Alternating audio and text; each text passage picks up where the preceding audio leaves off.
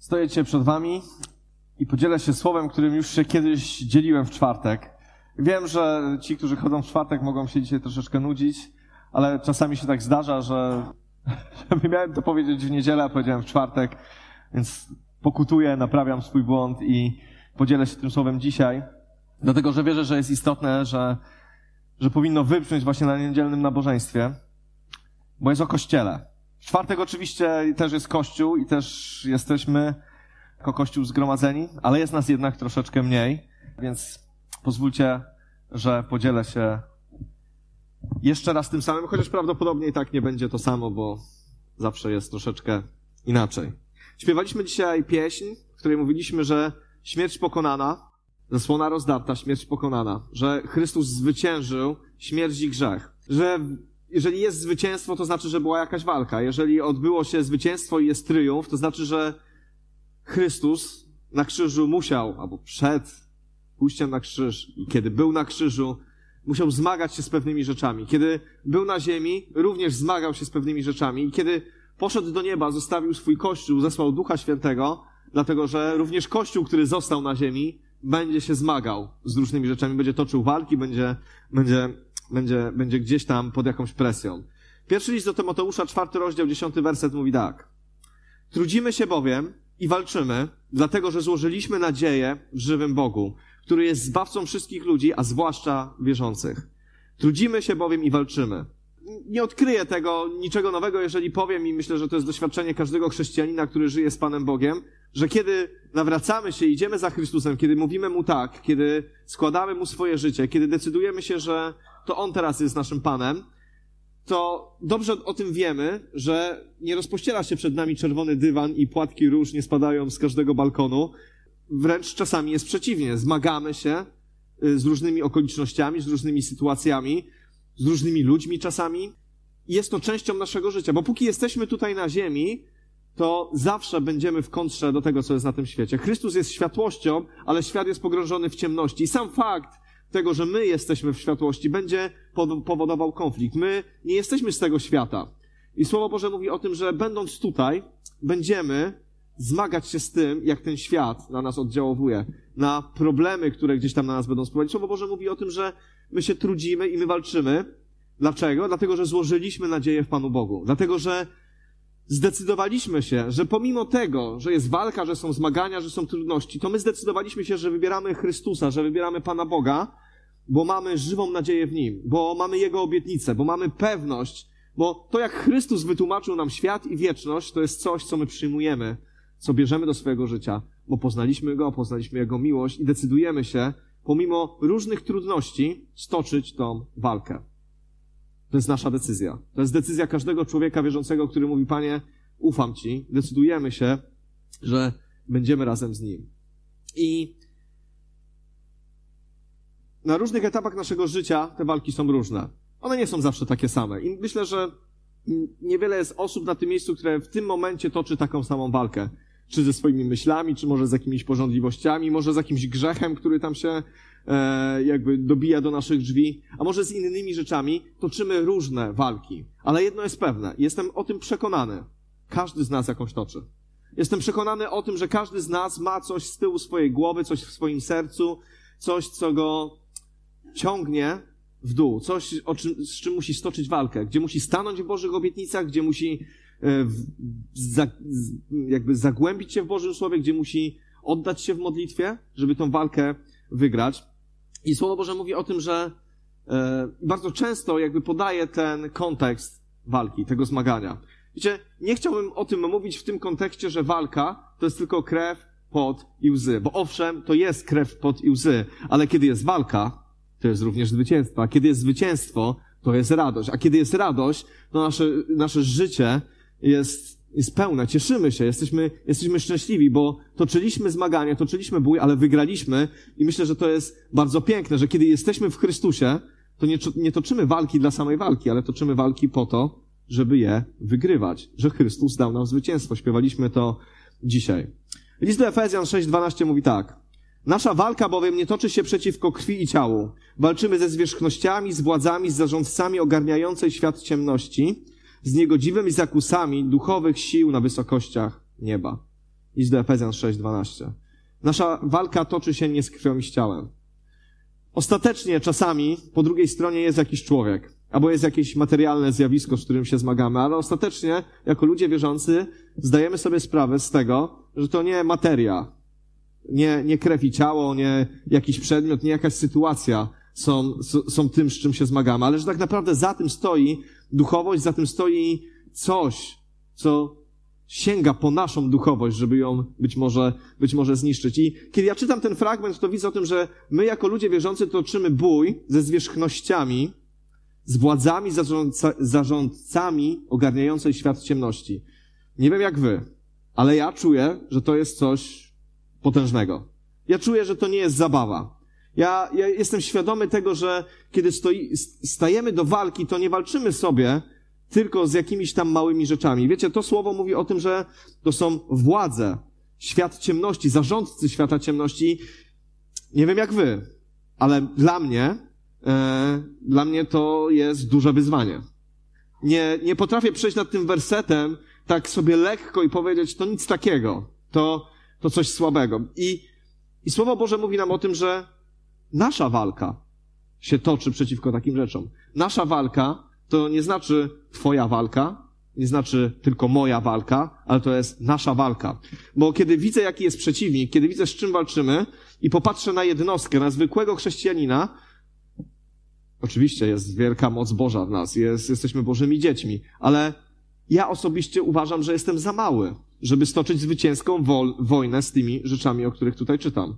Bo to są władze, to są zarządcy i nie umniejszam nic temu, kim jest dziecko Boże i co może dziecko Boże, które chodzi w mocy Ducha Świętego, bo może naprawdę absolutnie wielkie i wspaniałe rzeczy. Jesteśmy w stanie z Panem Bogiem pokonać wszelką ciemność, ale uważam również, że nie zostaliśmy stworzeni do walki indywidualnej. Że nie zostaliśmy stworzeni do tego, żeby w swojej głowie, w swoich snach chrześcijańskich stworzyć sobie taki obraz chrześcijańskiego superbohatera, który jest wyposażony ze wszystkie, we wszystkie dary Ducha Świętego od A do Z, z listu do Koryntian, we wszystkie owoce Ducha Świętego, którymi po prostu aż z niego opadają. Takiego wielkiego herosa chrześcijańskiego, który wstaje pewnego ranka i pokonuje zwierzchności. Pokonuje władców ciemności. I jednym słowem jest w stanie to wszystko rozwiązać. Czy jest to możliwe? Teoretycznie jest to możliwe. I może gdybyśmy się przypatrzyli jakimś postaciom biblijnym, to może byśmy znaleźli ludzi, którzy mogliby do tego e, takiego, do takiego miana superbohatera jakby aspirować. Może Paweł, może Piotr. Mówię oczywiście nie o Jezusie, bo Jezus takim był, ale e, może jest kilka takich postaci. Ale oczywiście w jakimś sensie wydaje się to być trudne do zaobserwowania w zwykłym świecie. Nie wiem, ilu takich spotkaliście na żywo. Ilu takich chrześcijańskich superbohaterów spotkaliście, podaliście im rękę, porozmawialiście? Może gdzieś tam na konferencjach byli, ale byli tak daleko, że ciężko było pewnie z nimi nawet porozmawiać. Czyli co, możemy powiedzieć, że to jest dla jakiejś elity? Dla jakiejś, jakiegoś marginesu ludzi, że Słowo Boże i cały ten fragment mówi o tym, że toczymy bój, a wierzę, że mamy toczyć zwycięski bój z takimi potężnymi siłami, to znaczy, że to jakiś 1% chrześcijaństwa może to uczynić? Jacyś wybrani, jacyś gdzieś tam daleko niedostępni, za kordonem e, jakichś różnych ludzi, którzy, którzy razem z nimi służą. Jestem przekonany, że to słowo jest napisane do nas. Jest napisane do każdego z nas. Ale wiecie, kiedy się modliłem, kiedy się zastanawiałem, to, e, to dotarło do mnie, że ja bym chciał, żeby tak było. Że ja bym chciał być takim superbohaterem, ale powiem wam nie wiem, może to być jakaś autokrytyka, ale życie mnie odarło y, ze, z jakichś takich złudzeń. Życie mnie odarło ze złudzeń.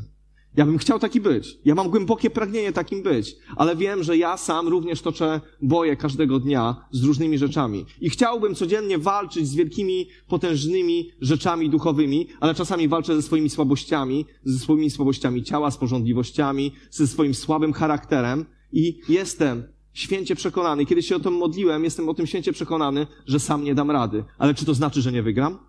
To, że jestem sam za słaby, żeby pokonać pewne rzeczy, czy to znaczy, że tego zwycięstwa nie ma? I o tym chciałem dzisiaj mówić. Bo wierzę w to głęboko, że w naszych czasach, w których jesteśmy tak bardzo tak bardzo zafiksowani na indywidualizm, tak bardzo zafiksowani na, na własne ego, na, na nasze rzeczy, troszeczkę zapomnieliśmy, jaką moc ma Kościół. Troszeczkę zignorowaliśmy to, jak wielkie, jak wielki Boży plan jest w tym, że Pan Bóg umieścił Ciebie i mnie w Kościele, a nie postawił nas samych wobec tych zwierzchności. Wiecie, ten dalej fragment mówi o tym, że dostaliśmy całą zbroję Bożą. Dostaliśmy hełm, miecz, tarczę, pancerz, pas prawdy, dostaliśmy sandały, czy tam buty głoszenia dobrej nowiny, że żołnierz został wyposażony, dostał wszystko, co jest potrzebne. Ale chwała Bogu, ja za to Panu Bogu jestem bardzo wdzięczny, że nie odział mnie w to wszystko i nie postawił mnie samego i powiedział do dzieła. Musisz sobie jakoś poradzić. Jestem z Tobą, ale jesteś sam. Chwała Bogu, że Pan Bóg umiejscowił Ciebie i mnie, albo inaczej, Pan Bóg chce umiejscowić Ciebie i mnie w Kościele. Dlatego, że wróg, którym zwalczymy, jest wielki.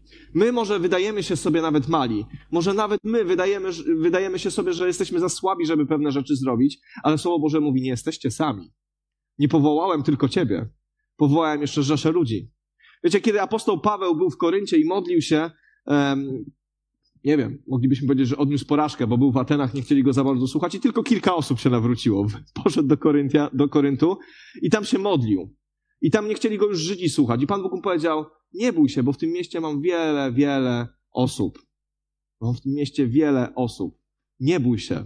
Wiecie, ja, ja mam takie przekonanie, że, że musimy spojrzeć na tą walkę, którą toczymy troszeczkę z innej perspektywy z perspektywy Kościoła, a nie tylko jednego człowieka, z perspektywy wspólnoty, w której jesteśmy, z perspektywy tego, że nie jesteśmy sami. Słowo Boże mówi tak. W drugim liście do Tymoteusza 2,5. Podobnie kto staje do zawodów, nie zdobywa wieńca, jeżeli nie walczy prawidłowo. Bardzo prosta rzecz. E, wczoraj też był e, e, mecz Igi Świątek w tenisa, wygrała Rolanda Garosa. Średnio się znam na tenisie, ale jak troszeczkę sobie oglądam, to widzę, że trzeba mieć niesamowitą technikę. To nie chodzi o to, że się macha paletką i ta piłeczka sobie tam lata, bo to jest bardzo trudne uderzyć tą piłkę. Kiedyś próbowałem i fatalnie mi to wychodziło.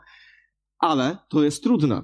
Trzeba grać według prawidłowych zasad. Nie można sobie grać, jak mi się żywnie podoba. Oczywiście, znaczy można, ale nie wygrywa się Rolanda Garosa. Nie wygrywa się turniejów, kiedy gra się tak, jak mi się podoba, jak sobie wymyśliłem, jaką mam fantazję. Jeżeli nie grasz tak, jak trzeba, optymalnie, tak żeby pokonać przeciwnika, to po prostu nie wygrasz. Słowo Boże mówi, jeżeli stajemy do zawodów, jeżeli stajemy do walki, to musimy walczyć prawidłowo, bo jeżeli nie walczymy prawidłowo, to co? Skoro nie wygrywamy, to to przegrywamy. To przegrywamy. I wiecie, kiedy ja mówię o walce, to mam wrażenie też, że wielokrotnie w naszych głowach pojawia się taka wizja stoczonej walki i porażki. Porażki. Odnieśli, odnieśliśmy porażkę. Walczyliśmy z grzechem, odnieśliśmy porażkę. Walczyliśmy o coś, nie wiem, o jakieś relacje, odnieśliśmy porażkę. Może gdzieś tam w jakimś swoim życiu stoczyłeś jakąś bitwę i masz, czujesz ten zapach porażki ciągle, że gdzieś przegrałeś. A Słowo Boże nam mówi o tym, że walczcie prawidłowo. Bo kiedy walczysz prawidłowo, to zwyciężysz. I wiecie, moje serce jest przepełnione tym, że bardzo często jako ludzie wierzący odnosimy porażki. Niestety. Nie mówię, że ich nigdy nie będzie, nawet jak będziemy walczyć prawidłowo, ale przesadnie dużo odnosimy porażek. Dlaczego? Dlatego, że nie walczymy prawidłowo. A w tym kontekście, co chcę powiedzieć, to walczyć prawidłowo, to walczyć razem, to walczyć w drużynie, to walczyć w zespole, to walczyć w kościele. Być może za dużo porażek odnosisz, dlatego że próbujesz sam. Stoisz przed przeciwnikiem, którego nie pokonasz sam, bo Pan Bóg stworzył cię do tego, żeby współkooperować z ludźmi wierzącymi i wtedy pokonasz ten problem. Ale niektórzy z nas myślą, że są super bohaterami. Sami weźmiemy miecz, sami odziejemy się w zbroję i nikt mi nie jest potrzebny, sam się z tym jakoś zmierzę. Ale jednak Słowo Boże mówi nam o tym, że nie jesteśmy sami. Że nie jesteśmy sami. Zaraz do tego dojdę. Więc może czasami porażki, które odnosimy w swoim życiu, nie są wynikiem tego, że Pan Bóg nie, nie chce, żebyś wygrał. Albo że cały świat się przeciwko tobie sprzeniewierzył, e, z, nie wiem, złe słowo, e, z, zmówił, żeby cię zniszczyć. Albo że po prostu jesteś człowiekiem, porażką nigdy ci się nie uda. Ale może po prostu walczysz nieprawidłowo. Może robisz wszystko, co z twojej strony jest możliwe do zrobienia, jako ty. Wszystkie twoje mięśnie działają. Może wywijasz mieczem jak trzeba. Ale może po prostu brakuje ci tego ostatniego elementu. Żeby stanąć nie samemu, ale właśnie z kimś. Myślę, że kiedy walczymy, ja, ja tak mam jak y, cokolwiek robię, nie wiem, gram w jakąś grę nawet planszową, zawsze chcę wygrać. Nie wiem, czy to jest, czy to jest jakby świadczy o mnie źle, ale jak w coś gram, to chcę wygrać. Nie zawsze to jest jakaś obsesyjna chęć wygrania, że muszę koniecznie, bo po prostu później płaczę, ale jak w coś gram, to chcę wygrać. Rzucamy frisbee, chcę to robić dobrze. Gramy w siatkówkę, to chcę wygrać seta, a jak gram z Maćkiem w Monopoly, to też chcę wygrać, mimo że on ma 5 lat. Nie mówię, że jestem jakiś yy, jakby zafiksowany na to, ale jest coś w nas takiego, że jak toczymy jakąś walkę, to tak naprawdę chcemy wygrać. Nikt z nas nie toczy walk po to, żeby przegrywać. Nie jest to naszym zamysłem. Nie po to się trudzimy, nie po to się zmagamy, nie po to jest pod na naszym czole, żeby po prostu powiedzieć, o, przegrałem, super. Nie o to chodzi. Wiecie, w grach planszowych to można sobie machnąć ręką i powiedzieć, przegrałem, super, ktoś inny się cieszy. Ale w naszych sprawach życiowych nie chcemy odnosić porażek. Ja nie chcę. Nie chcę odnosić porażek finansowych, nie chcę odnosić porażek w kościele, nie chcę odnosić porażek w moim życiu rodzinnym, po prostu nie chcę, bo wiem, że te porażki coś za sobą niosą, jakiś ból, jakieś problemy. Chcę zwyciężać. Chcę wygrywać. I myślę, że każdy z nas chce wygrywać. Kiedy chodzimy z Panem Bogiem, to chcemy widzieć zwycięstwa. I myślę, że co do tego nie ma żadnych problemów. Więc spójrzmy na to, jak Pan Bóg patrzy na walkę z perspektywy nie indywidualnego człowieka, ale Kościoła. List do Rzymian 12, ósmy werset. Podobnie my w swojej wielości stanowimy w Chrystusie jedno ciało, natomiast każdy z osobna jesteśmy dla siebie członkami. Stosownie do udzielonej nam łaski mamy też różne jej dary czy do prorokowania do głoszenia na miarę wiary, czy usługiwania do służby z poświęceniem, czy do nauczania po to, by pouczać, czy też zachęcania po to, by podnosić na duchu. Kto wspiera to hojnie, kto przewodzi to z zapałem, kto okazuje miłosierdzie, to z całego serca. Podobnie wy w swej wielości, my w swej wielości stanowimy w Chrystusie jedno ciało. Bo teraz popatrzmy sobie na ten pojedynek. Oto wielkie zwierzchności na wysokości nieba, których my jako ludzie nawet nie do końca jesteśmy w stanie sobie wyobrazić, jeżeli nie mamy duchowego wejrzenia, stoją naprzeciwko nas. Naprzeciwko mnie i ciebie. Małych ludków, ludzi, ludzi, o których Słowo Boże mówi, że jesteśmy jak trawa. Dzisiaj jesteśmy, jutro nas nie ma. I pomyślmy sobie o tym, że, że my mamy stoczyć tą, tą bitwę. I jak popatrzymy sobie na tą jedną pojedynczą osobę, to moglibyśmy powiedzieć, że jak Dawid i Goliat. To się może wydarzyć, to, to się może udać, ale zasadniczo raczej szanse są niewielkie. Ale Słowo Boże mówi o tym, że my w swojej wielości stanowimy jedno ciało. Że być może przeciwnik jest wielki, ale kiedy ciało się łączy, kiedy do tej jednej osoby do, dochodzi kolejna, a później dochodzi kolejna, a później dochodzi to, kolejna, powstaje Kościół, powstaje coś większego i potężniejszego niż ta zwierzchność, która wydaje się tak wielka i potężna, kiedy jesteśmy sami, ale kiedy jesteśmy razem, to okazuje się, że da się ją pokonać. W swojej wielości stanowimy jedno ciało. Ciężko sobie wyobrazić jedną część ciała, która odnosi zwycięstwo. Ciężko sobie wyobrazić, w ogóle to jest jakiś taki dziwny obraz, że, że, że niekompletny wojownik jest w stanie pokonać kompletnego wojownika. Oczywiście zdarzają się takie rzeczy, ale teoretycznie jest to trudne do, do, wyobrażenia. Nie jest tak, że same ręce będą cokolwiek robić w kościele i że sama noga będzie cokolwiek robić w kościele. Potrzebne jest jedno ciało, które będzie miało siłę założyć zbroję, wziąć do ręki miecz i zawalczyć z przeciwnościami. I myślę, że to jest bardzo ważne, dlatego że nie może być tak, że są same głowy. Nie może być tak, że są same ręce. Słowo Boże mówi tutaj tak. Jesteśmy różni, mamy różne dary łaski, czy to do prorokowania, do głoszenia na miarę wiary, czy do usługiwania, czy do nauczania, czy do zachęcania, czy do wspierania. Wiem, że w jakimś sensie łatwo by było, albo łatwiej by było stworzyć taki kościół, teraz mówię jakby co może być w głowie każdego z nas, kościół takich ludzi, bardzo podobnych do nas, żeby wszyscy myśleli tak jak my, zachowywali się jak my, mieli poglądy jak my, to zasadniczo łatwo by się żyło. Byśmy sobie przyszli na nabożeństwo, nikt by nas nie denerwował, kazania zawsze by były takie, jak chcemy, e, nie wiem, e, nikt by nie mówił mi, że się źle zachowuje. Fajnie by było, ale to jest tak straszliwie niepraktyczne, że cały Kościół jest złożony z proroków. W ogóle wizja kościoła złożonego tylko z proroków mnie przeraża. Nie wiem, co by się działo, e, ile, ile rzeczy by się działo. Jest potrzebna równowaga. Albo kościół złożonych z samych nauczycieli. Kogo oni by nauczali? Sami by się nauczali. Ja myślę, że to by się skończyło kłótniami po prostu, bo to tak z reguły się, e, z reguły się kończy. Albo ludzi, którzy sami zachęcają, ale nie ma kogo zachęcać. Wszyscy tylko chcą zachęcać. Wiecie, w kościele jest potrzebna równowaga do tego, żeby ten kościół był silny i był w stanie przeciwstawić się problemom, z którymi się zmagamy. Potrzebni są prorocy, zachęcacze, nauczyciele. Potrzebni są ludzie, którzy przewodzą z zapałem. To jest wszystko potrzebne. Ale jeżeli tego nie ma, jesteśmy wybrakowani. Jesteśmy y, zdziesiątkowani i ciężko jest stanąć y, i walczyć skutecznie. Teraz chciałem y, odwołać się do, do przykładu, do którego odwołał się nasz gość kilka tygodni temu, wojskowego. Nasz gość ze Stanów Zjednoczonych, który opowiadał bardzo barwnie, jak długo helikopter lądował gdzieś na wzgórzach Czarnogóry. Ale czy jest, istnieje jakaś armia na świecie? Może ktoś wie? Oprócz jakichś takich republik bananowych typu tam, nie wiem, jakiś Nikaragua czy jakaś Zambia, gdzie w armii są sami generałowie. Gdzie w armii są sami oficerowie, a tam generałowie.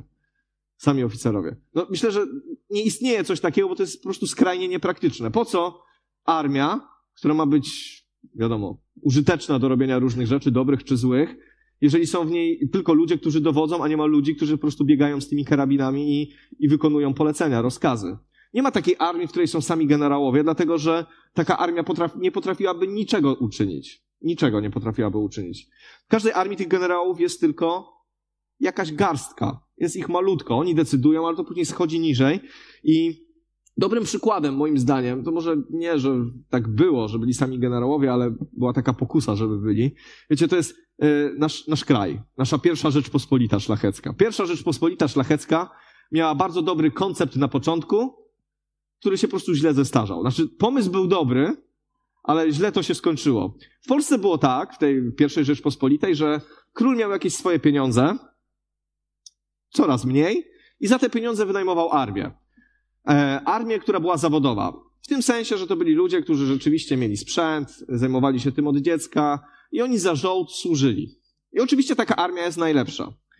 Ale że tych pieniędzy było coraz mniej, no to trzeba było coś kombinować i w pewnym momencie wymyślono, że część polskiej armii to będzie armia zaciężna, taki, taka opłacona, a część to będzie pospolite ruszenie. Bo skoro mamy 10% szlachty w kraju, a to są przecież rycerze, to oni wsiądą na koń, wezmą te swoje szabelki. Jak trzeba będzie pogonić Tatarów, czy Turków, czy tam jakichś innych Moskali, to oni po prostu się zbiorą i, i zrobią swoje. I przez jakiś czas to całkiem nieźle funkcjonowało, bo ci szlachcice jeszcze jako tako tam potrafili walczyć e, i jeszcze tak świat im nie odjechał. Ale później po jakimś czasie okazało się, że jak się zwoływało takie pospolite ruszenie, wybuchała wojna, to problemem największym nie był wróg.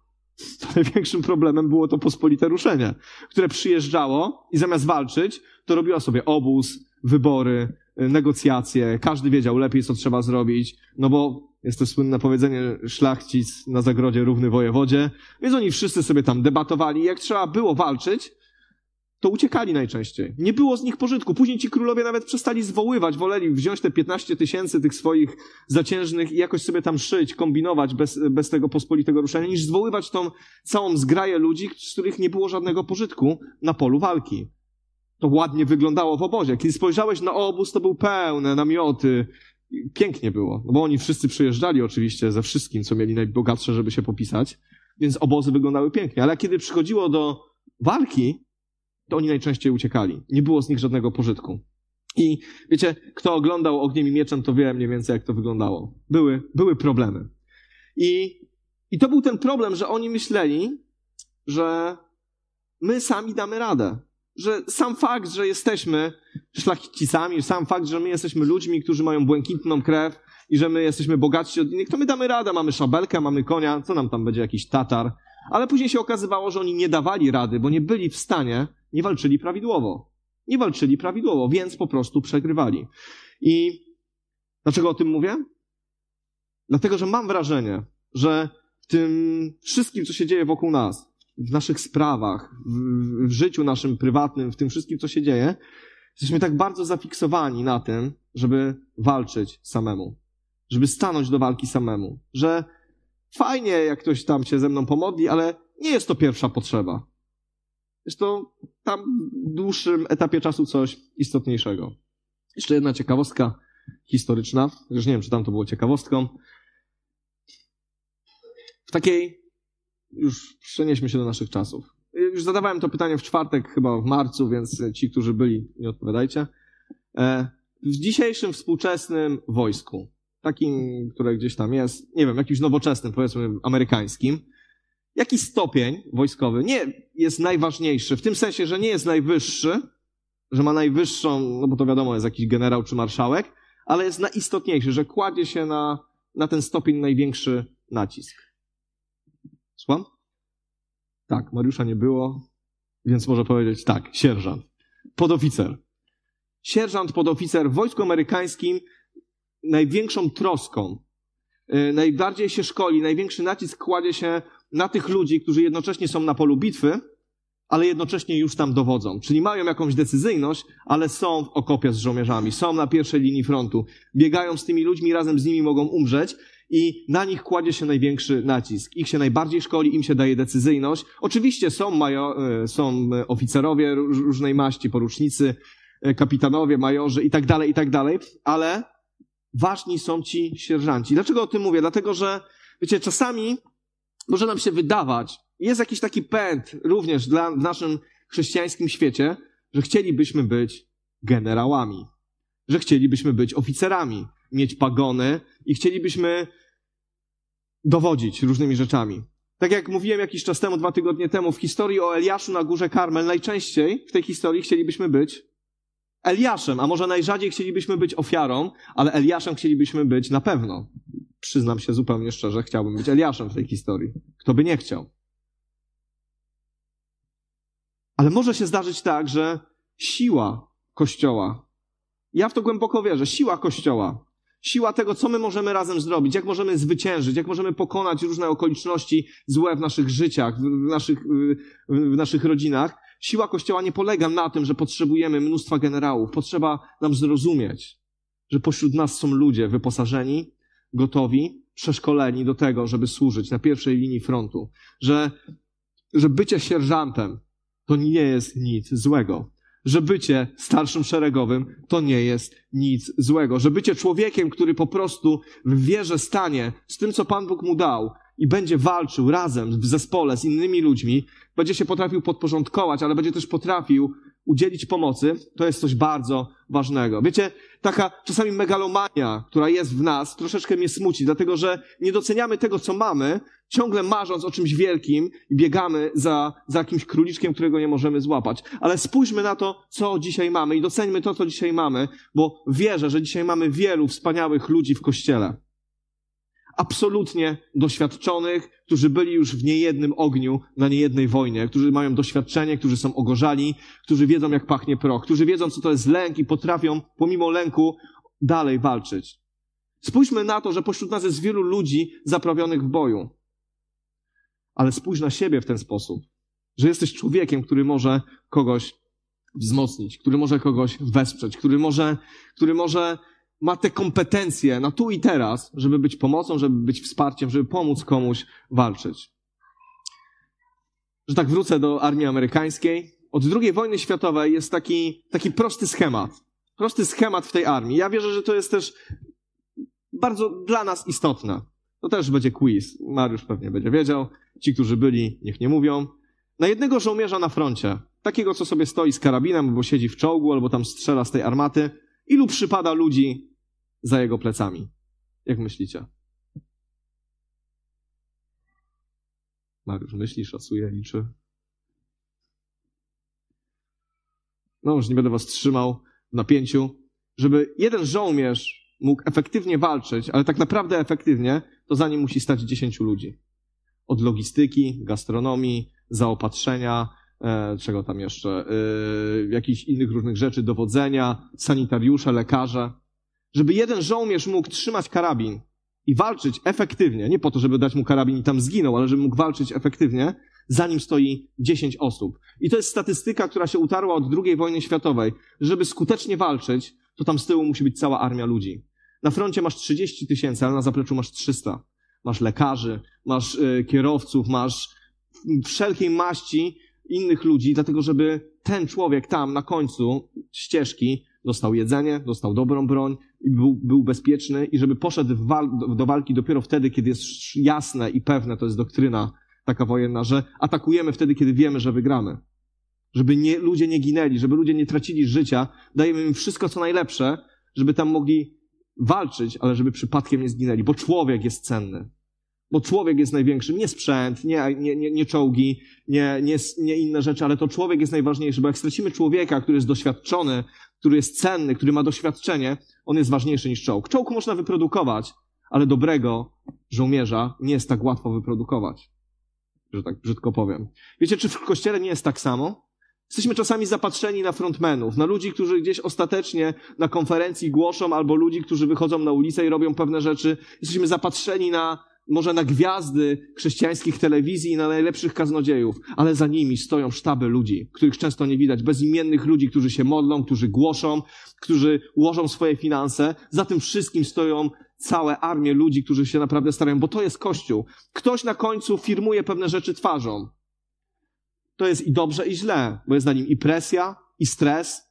To też wcale nie jest takie komfortowe, ale za tym człowiekiem stoją ludzie. I wiecie, nie ma sukcesu Kościoła. To nie są jednostki, które wygrywają. To nie są chrześcijańscy superbohaterzy. Jak popatrzymy sobie na służbę Billy'ego Grahama, Davida Wilkersona, to za nim stały setki ludzi. Żeby on mógł komfortowo pojechać i głosić żeby on mógł coś zrobić. Wiecie, i myślę, że to jest bardzo ważne, żebyśmy sobie zdali z tego sprawę. Żebyśmy sobie zdali z tego sprawę, że os osobiste zwycięstwo w naszym życiu, wielu problemów, wielu rzeczy, które toczymy, jest związane bardzo mocno z tym, jak walczymy jako Kościół. Czy walczymy jako Kościół? Czy jesteśmy w stanie stanąć jeden za drugim? Czy jesteśmy w stanie zrozumieć tą, ten fakt, że że wróg, z którym walczymy, jest za mały dla nas samych, ale nie jest za mały dla Kościoła, który został stworzony przez Jezusa Chrystusa i namaszczony do czynienia wielkich rzeczy. Bo to Kościół w swojej jedności ma wszystkie dary Ducha Świętego. Bo to Kościół w swojej jedności ma namaszczenie Ducha Świętego do czynienia wielu rzeczy. Bo to Kościół, który działa w jedności zgodnie z Bożą wolą, jest, jest, jest predestynowany do tego, żeby zwyciężać nie chcę umniejszać nam jako jednostkom, ale jestem przekonany o tym, że Pan Bóg nie stworzył Kościoła dla żartów, tylko po to, żebyśmy mieli gdzie się spotykać w niedzielę. Bo Kościół został stworzony po to, żebyśmy się modlili jeden o drugiego, żebyśmy się wstawiali, żebyśmy nie byli od siebie daleko, żebyśmy wiedzieli, co się dzieje u innego człowieka, żebyśmy udostępniali swój czas, swoje możliwości po to, żeby kogoś wesprzeć. Bo to jest bardzo ważne. Wiecie, e, to mi podesłał Piotr, y, pamiętam taki filmik o, o, o, o zawodowcach z jakichś tam służb specjalnych, czy z jakichś tam y, amerykańskich. Oni mówili jedną prostą rzecz. Czy jedną, wiele mówili rzeczy, ale jedną, którą, która jest bardzo istotna, to jest to, że najważniejszą zasadą nigdy nie zostawić nikogo na placu boju. Jeżeli ktoś jest ranny, to musisz go zabrać. Nie możesz kogoś zostawić. Musisz kombinować. Ta historia o helikopterze sprzed kilku tygodni też pokazywała to, że jeden żołnierz, jeden żołnierz uruchomił pół armii w tamtym rejonie, żeby go wydobyć. Nie dlatego, że to tylko taki amerykański patos, ale dlatego, że to jest ich doktryna, to jest ich podejście. Żołnierz jest cenny, ratujemy go za wszelką cenę. I wiecie, co by się działo wśród nas, gdybyśmy mieli takie patrzenie na siebie? Bo kiedy sami toczymy walki, to mówimy przegrałem, wygrałem, trudno.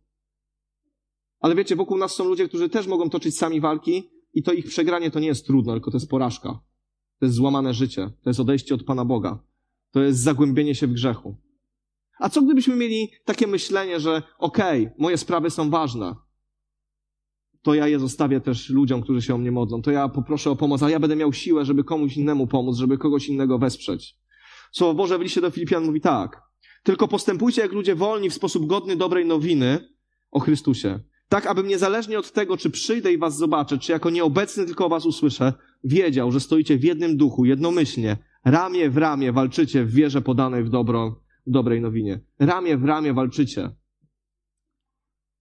w wierze podanej w dobrej nowinie. Ramię w ramię. Wiecie, problem jest taki, że jak nie idziesz z kimś ramię w ramię, tylko 30 metrów od siebie, to go trafi jakiś duchowy pocisk i go powali, to nawet tego nie zauważysz, bo jesteś zajęty swoimi sprawami. Wokół ciebie wybuchają różne rzeczy i tego nie widzisz. Ale jak idziemy ramię w ramię i ktoś obok ciebie oberwie, to widzisz, że się przewraca. Przewraca się w zasadzie na ciebie. I widzisz, że trzeba jakoś pomóc. Jak idziesz ramię w ramię, to jesteś w stanie zareagować. Jak jesteśmy blisko siebie, to, to widzimy, że coś się dzieje nie tak. Ale jak każdy toczy walkę sam, sami tacy konani barbarzyńcy, którzy ze swoimi mieczami biegają, gdzie popadnie każdy toczy swoją walkę, to później się okazuje, że ani my jako Kościół nie idziemy nigdzie do przodu, a, a finalnie swoje prywatne walki raz przegrywamy, raz wygrywamy, ale i tak będziemy się w kółko z tym zmagać. Bo wiecie, wróg, który jest przeciwko nas, jest do pokonania, jest, został pokonany przez Chrystusa raz na zawsze, ale jakieś jeszcze resztki tego systemu w tym świecie są i będziemy się z nim zmagać. I są rzeczy, których nie pokonamy sami raz na zawsze, ale wierzę to, że kiedy staniemy w kościele, w poście, w modlitwie, w zrozumieniu, w miłości, jesteśmy w stanie pewne rzeczy zniwelować, pewne rzeczy pokonać. Wiecie, ja, ja, ja chwalę i zawsze będę chwalił poniedziałkowe modlitwy, bo one są takim prostym dowodem na to, że, takim najprostszą formą tego, że można razem wstać i walczyć, że można przyjść powiedzieć, boli mnie to, mam problem z tym, pomódlcie się o moją rodzinę. I może to potrwa trzy minuty. Może ta modlitwa nie będzie długa, ale jakie to jest piękne, że czujesz, że ludzie za tobą stoją, że nie jesteś w tym sam, że nie musisz tego dźwigać sam, że są ludzie, którzy będą o tym pamiętać. Jak to jest bardzo ważne. Wiecie, ja chciałbym was i siebie zachęcić do tego. Przestańmy przegrywać. Tam, gdzie możemy zacząć wygrywać, po prostu walcząc dobrze. Może niektórzy z nas po prostu wyszli poza szeregi, myślą, że Kościół jest mi niepotrzebny, sam sobie poradzę. Przecież mam zbroję Bożą, mam Boże Słowo, mam obietnicę, dam radę. Nie dasz rady. Nie dasz rady. Ja powiem zupełnie szczerze, że bez Kościoła to nie jest kwestia, czy upadniesz, tylko kwestia, kiedy upadniesz. Bo ktoś cię w końcu trafi, położysz się gdzieś tam na polu i nikt tego nie zauważy. Bo opuściłeś szereg. Ale ja myślę, że Pan Bóg nas powołuje do tego też, żebyśmy zaciśnili, zaciśni... ścisnęli swoje szeregi. Żebyśmy byli siebie bliżej. Żebyśmy zdecydowali, że nie będziemy walczyć sami. Pan Bóg stworzył Kościół, więc korzystajmy z tego, że jesteśmy Kościołem. Korzystajmy z tego, że mamy różne dary i umiejętności. Korzystajmy z tego, że są ludzie, którzy mają różne dary. Korzystajmy z tego, że są ludzie, którzy mają na przykład namaszczenie prorocze i mogą coś powiedzieć do twojego życia. Ty to musisz rozsądzić, to prawda, ale Pan Bóg może przez nich przemówić. Korzystajmy z tego, że są nauczyciele, że są ludzie, którzy zachęcają. Korzystajmy z tego. Nie bądźmy gdzieś z boku. A z drugiej strony, zdajmy sobie też z tego sprawę, że Pan Bóg dał nam talenty i umiejętności, żeby podnosić i być z tymi, którzy są wokół nas. Bo jak czytaliśmy, Kościół to jest wzajemnie zasilające się ciało wzajemnie zasilające się ciało. I ja wierzę, że to ciało jest w stanie czynić Boże dzieła w tym mieście, w Polsce, gdziekolwiek będziemy w naszym życiu, że to ciało ma dwie ręce, dwie nogi, głowę, oczy, wszystkie zdolności, jest w stanie pokonać zwierzchności, które są nad nami. Głęboko w to wierzę. Wiecie, jesteśmy tacy przepojani indywidualizmem. Ja myślę, że czas też troszeczkę z tego pokutować i się od tego odwrócić. Bo oczywiście zawsze możemy mówić, żeby nie było tak kolorowo. Jedność też nie jest łatwa. I granie w jednej drużynie też nie jest łatwe, bo przecież jesteśmy różni.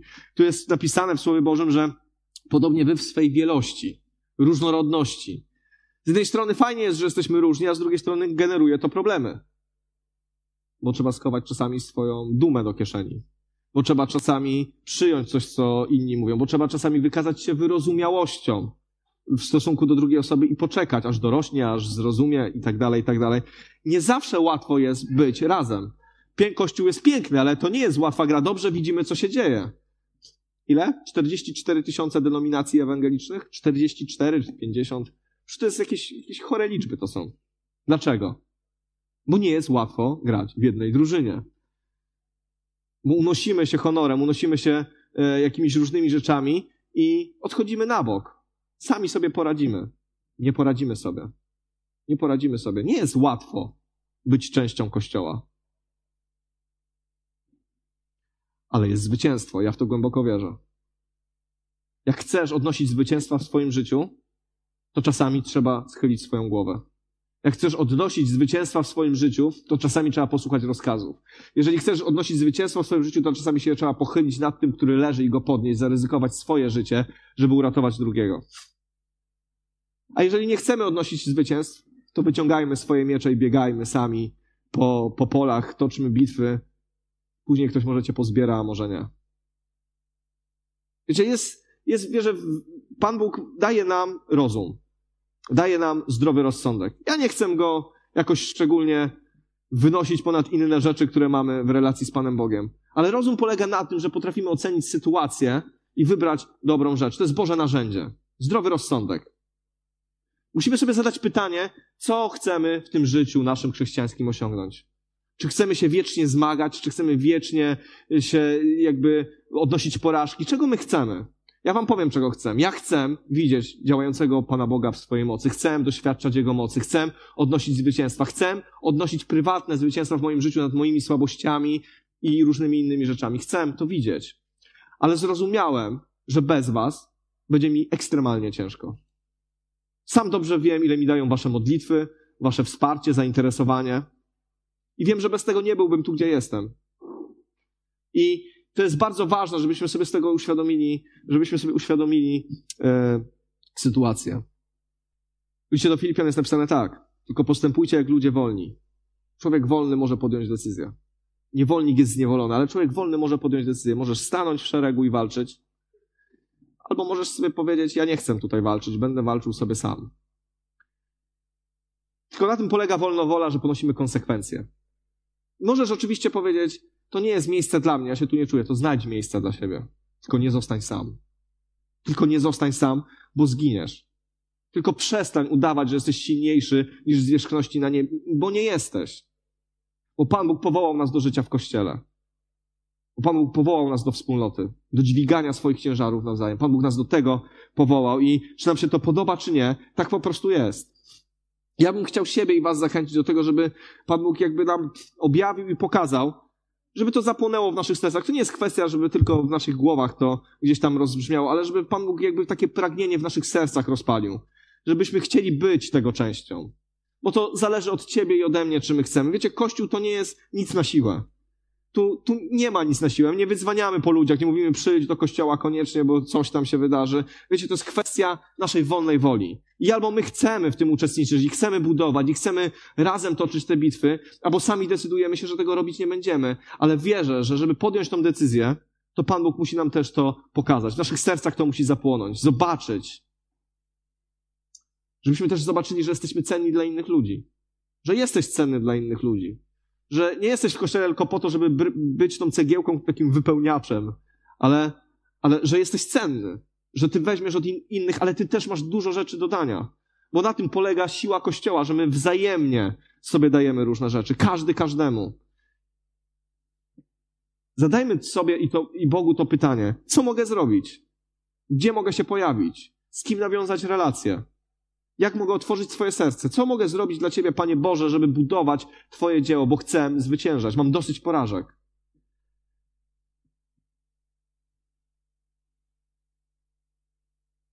Wiecie, dla mnie to nie jest slogan, że każdy w kościele jest y, cenny i ważny. To czasami brzmi jak slogan. Ale fakt jest taki, że jak popatrzymy na Kościół z perspektywy tej duchowej konstrukcji, tego Bożego porównania o ciele i tego, że że to my go tworzymy. To nie ma rzeczy nieważnych. W naszym ciele nie ma nieważnych organów. Kiedyś myślano, że wyrostek robaczkowy jest nieważny, można go wycinać, ale później się okazało, że jednak był ważny, bo jakieś funkcje immunologiczne ważne pełnił.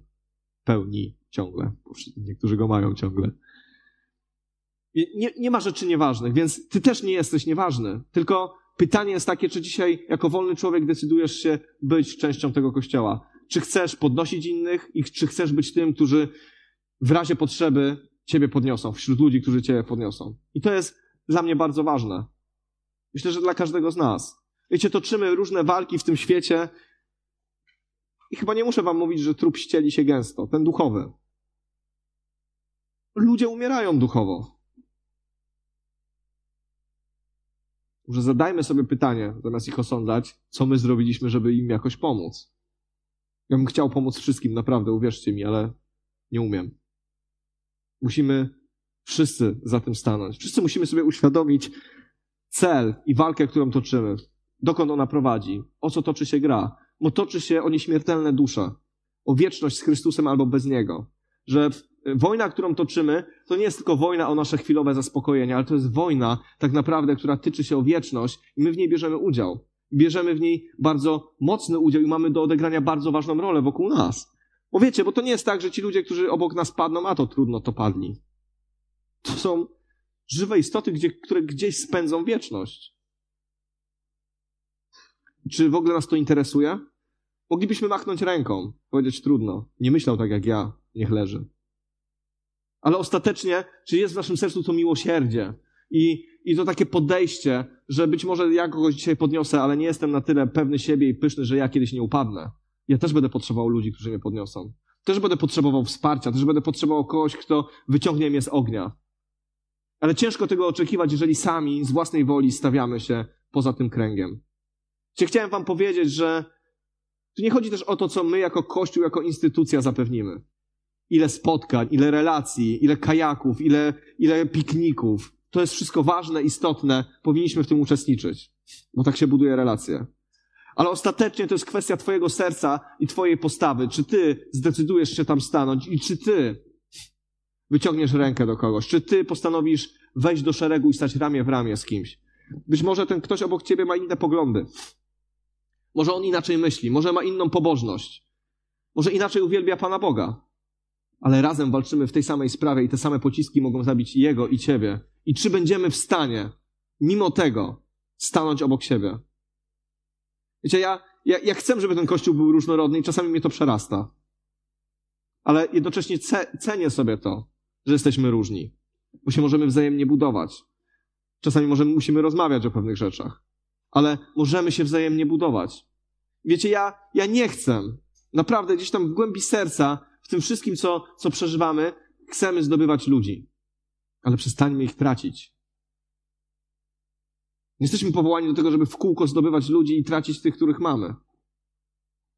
A to jest nasza odpowiedzialność, nas wszystkich. Ja w to głęboko wierzę, że jesteśmy jednym ciałem, żeby zwyciężać, żeby podnosić się wzajemnie.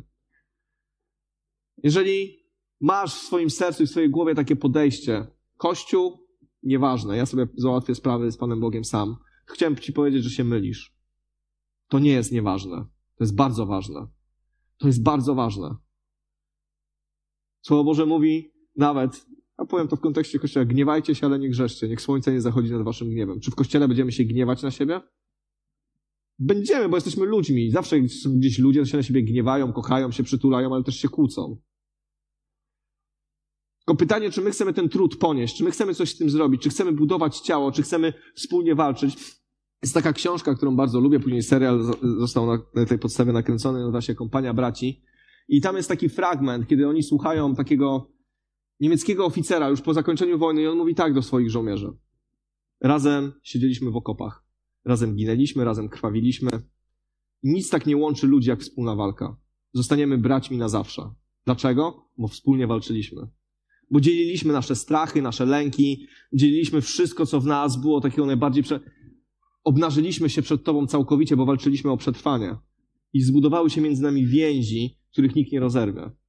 Wiecie, jednymi z największych więzi na świecie to są więzi kombatanckie. Ci ludzie spotykają się po latach, ciągle utrzymują relacje, chociaż są porozrzucani czasami po całym kraju, czy tam po całym świecie, ale jednak mają ze sobą kontakt, bo to, co ich związało, jest tak mocne i silne. My razem walczymy o zbawienie naszych rodzin, o zbawienie nas samych, o zbawienie ludzi w naszym mieście. I o ile razem nie będziemy przelewać krwi, nie będziemy razem znosić znojów i trudów, to nic nas tak nie połączy. Nie połączą nas idee, nie połączy nas zrozumienie, nie połączy nas w kółko gadanie, połączy nas wspólna walka, wspólne modlitwy, wspólne wstawianie się jeden za drugich, wspólne działanie, wspólne wychodzenie na ulicę, wspólne robienie czegokolwiek, ale wspólna walka. Bo razem ponosimy ten koszt. Wiemy, jak to smakuje. Wiemy, ile to kosztuje kupić chleb rano y, w Oszą i, i, i zawieźć na plac bohaterów. Wiemy, ile kosztują inne rzeczy. Zaczynamy czuć, że ta druga osoba ma swoje emocje, swoje uczucia i zaczynamy się z tym identyfikować. Nie pozostawajmy z dala. Naprawdę proszę was, nie pozostawajmy z dala. Weźmy sobie to do serca i zróbmy coś z tym. No to przede wszystkim zależy od ciebie. Dajemy jako Kościół wiele różnych sytuacji. Poniedziałek, czwartek, pikniki, kajaki, cokolwiek. Zaangażuj się. Złap relacje, stań ramię w ramię, poznaj kogoś. Stań blisko, zacznij się o kogoś modlić. Zacznijmy od prostych rzeczy. Powiem tak, nie chcę y, tak y, strasznie biadolić, bo uważam, że takie rzeczy się dzieją. Tylko boli mnie to, że nie wszyscy chcą z tego skorzystać. Boli mnie to, że są ludzie, którzy świadomie stają z boku. Mnie to przeraża, bo to jest narażanie się po prostu na śmierć, duchową śmierć. Dobrze, wiele mógłbym mówić, bo to jest temat, który, który naprawdę bardzo mocno porusza moje serce. Dlatego, że ostatecznie Ostatecznie chodzi o to, żebyśmy żywi, cali i zdrowi i z jak największą yy, grupą ludzi wokół nas dotarli do celu. do zbawienia w niebie, do wieczności z Chrystusem. Tam będą fajerwerki, tam będzie super, tam nie będzie wystrzałów, tam nie będzie strachu, tam nie będzie przeciwnika, tam będzie cudownie. Niestety, póki tu jesteśmy, trzeba się czasami troszeczkę postrzelać. Czasami trzeba się troszeczkę pozmagać. I nie wiem, czy Pan Bóg Cię powołuje do bycia generałem, sierżantem, y, szeregowcem, czy kimkolwiek innym. Ale jedno jest pewne. Nieważne, kim jesteś w tej armii, to ta armia zwycięży. To ta armia zwycięży i bez Ciebie będzie jej trudno. Będzie jej trudniej. To ta armia zwycięży. To nie jest pojedyncza gra. To nie jest sport indywidualny. Jesteśmy w tym razem. Jesteśmy w tym razem i będziemy w tym razem. I będziemy razem się zmagać. Więc ja Was proszę, otwórzmy swoje serca na siebie nawzajem. Otwórzmy swoje serca, żebyśmy tą walkę toczyli nie sami, żebyśmy widzieli ludzi, którzy tego potrzebują, żebyśmy sami byli tymi, którzy nie boją się powiedzieć: Ja potrzebuję pomocy. Ja potrzebuję pomocy, bo sobie nie radzę, bo jest mi, jestem słaby.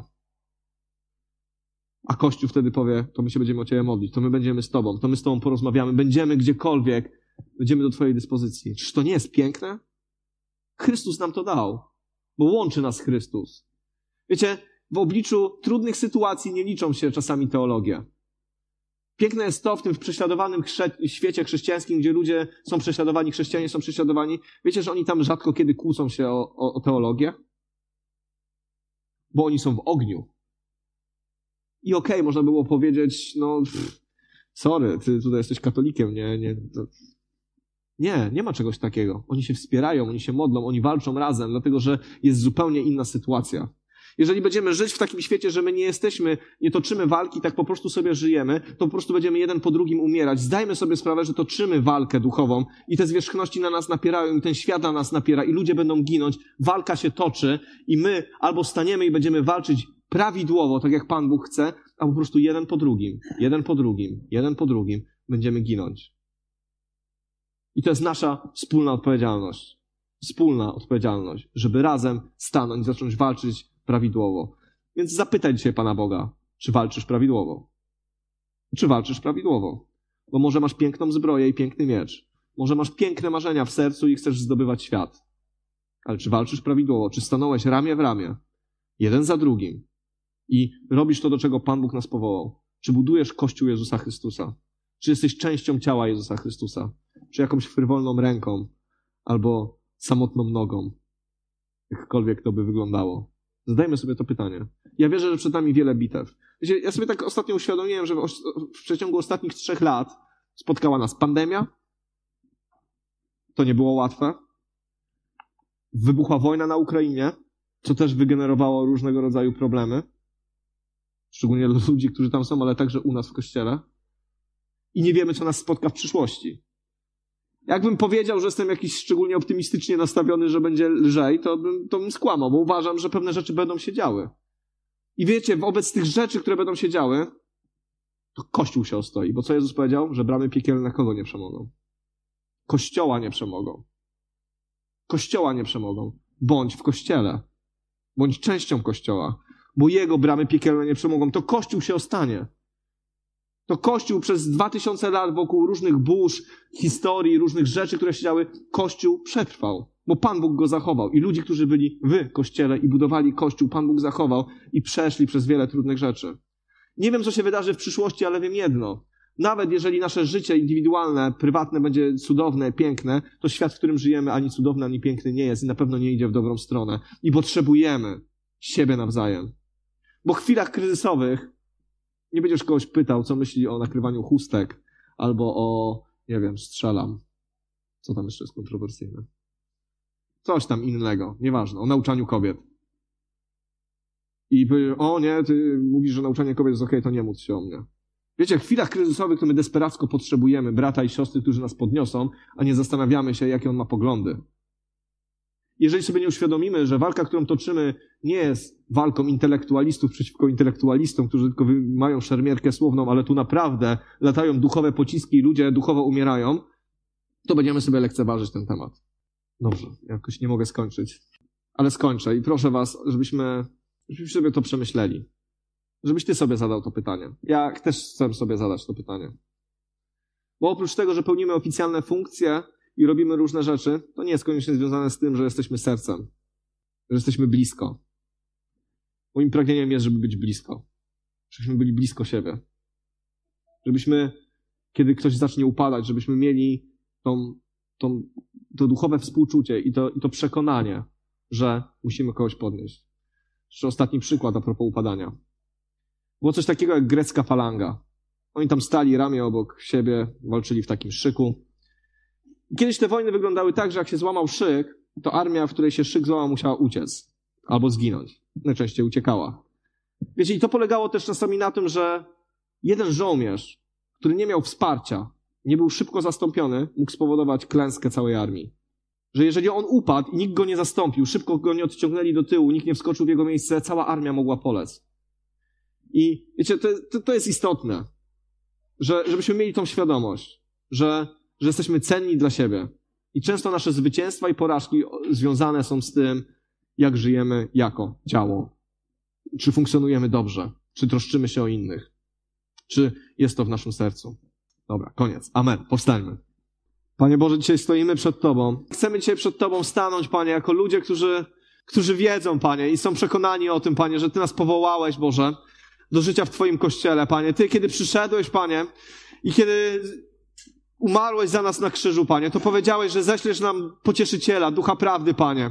Że Ty, Panie, stworzyłeś Kościół, Panie, że Ty stworzyłeś grupę ludzi, Panie, którzy za Tobą szli, Panie, byli Ci wierni, Panie. Dziękuję Ci za to, że Ty jesteś głową Kościoła, Panie, ale proszę Cię o to, Panie, żebyśmy byli Jego częścią, Panie, żebyśmy w swojej głowie, Panie, jeżeli mamy złe wyobrażenie, Panie, takie wyobrażenie, Panie, o, o tym, że sobie poradzimy sami, że to jest nieważne, nieistotne, to proszę Cię o to, żebyś Ty nas korygował, Panie. Ja wiem, że my jako ludzie nie jesteśmy w stanie tego sami zrobić, Panie. Nie wejdziemy, Panie, ani ja nie wejdę, ani nikt inny do głowy nikogo innego, ale proszę Cię o to, Duchu Święty, żebyś Ty wlewał przekonanie w nasze serca, Boże, że Ty, Panie, stworzyłeś nas, Panie, do tego, żebyśmy byli razem, Panie. Żebyśmy troszczyli się o siebie nawzajem, żebyśmy się kochali nawzajem, żebyśmy byli ludźmi, Panie, którzy nie walczą sami, Panie, którzy, którzy nie są, Panie, takimi ludźmi, którzy uważają, że sami sobie poradzą ze wszystkim, Panie, nikt im nie będzie mówił, co mają robić, Boże. Dziękuję Ci za to, że dałeś nam jasne wskazówki, jak walczyć i jak wygrywać, Panie. Że tam pokazałeś, Panie, że to w jedności, Panie, że to Razem i wspólnie, Panie, możemy toczyć boje, Panie, które będą zwycięskie. Dziękuję Ci za każdą modlitwę wspólną. Dziękuję Ci za każde te chwile, Panie, kiedy my zdecydowaliśmy się, żeby, żeby coś powiedzieć publicznie, żeby walczyć wspólnie, Panie. Dziękuję Ci za to, że widzimy tego owoce, Panie. Proszę Cię, Duchu Święty, żebyś pobudzał nasze serca, Panie. Żeby nie było żadnej osoby, która znajduje się poza, poza, Panie która z własnej woli zdecydowała się być obok, Panie, i walczyć sama, Panie. Proszę Cię o to, żebyś zachował, jeżeli są takie osoby, ale żebyś przywrócił, Panie, do kościoła, Panie, czy do tej społeczności, czy do jakiejkolwiek innej, Panie, ale proszę Cię o to, Panie, żebyśmy mieli tą świadomość, Panie, że to Twój Kościół jest tym, który pokonuje, zwycięża, Panie, i w którym objawia się Twoja moc, Panie. Potrzebujemy tego, Boże. Chcemy dobrze ten Kościół budować, Panie. Chcemy mieć Twoje objawienia, ale przede wszystkim chcemy mieć Twoje serce, Panie, i wzajemną miłość do siebie nawzajem, Boże, po której świat nas pozna, ale która też spowoduje, Panie, że nie będziemy obojętni, Boże, na nasze upadki, na nasze problemy, ale będziemy walczyć jeden o drugiego, Panie. Będziemy się podnosić i wzmacniać. Proszę Cię, Duchu Święty, Ty to wlej w nasze serca, to pragnienie, tą tęsknotę, Panie, to, to miłosierdzie wzajemne, Panie. Proszę Cię o to. My tego potrzebujemy od Ciebie, Panie. Nie wiemy, co nas spotka, Panie, ale cokolwiek to będzie, Boże, to ja wiem jedno, Boże, że bramy piekielne nie przemogą Kościoła, Panie, bo Ty jesteś Jego głową, Ty jesteś Jego Panem. Dziękujemy Ci za to, Panie, że Ty się o to troszczysz, Boże. Tobie niech będzie chwała. Tobie dziękuję za wszystko, co Ty czynisz. Amen.